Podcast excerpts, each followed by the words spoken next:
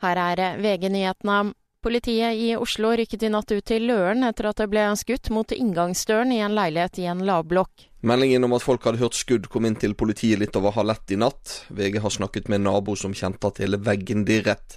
Ingen kom til skade som følge av skuddene. Åstedet er nå sperret av, og ingen er foreløpig pågrepet. Reporter Thomas Alsaker. USAs president Joe Biden sier han håper på våpenhvile i krigen mellom Israel og Hamas innen mandag neste uke.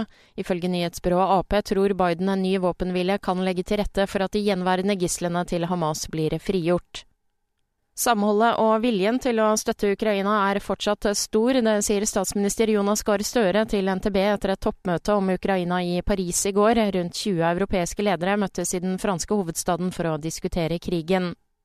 Artisten Taylor Swift har nå vært inne blant topp ti på den amerikanske albumlisten Billboard 200 i totalt 384 uker. Dermed passerer hun den gamle rekorden til Beatles. I studio, Kristin Strand, nyhetene får du alltid på VG.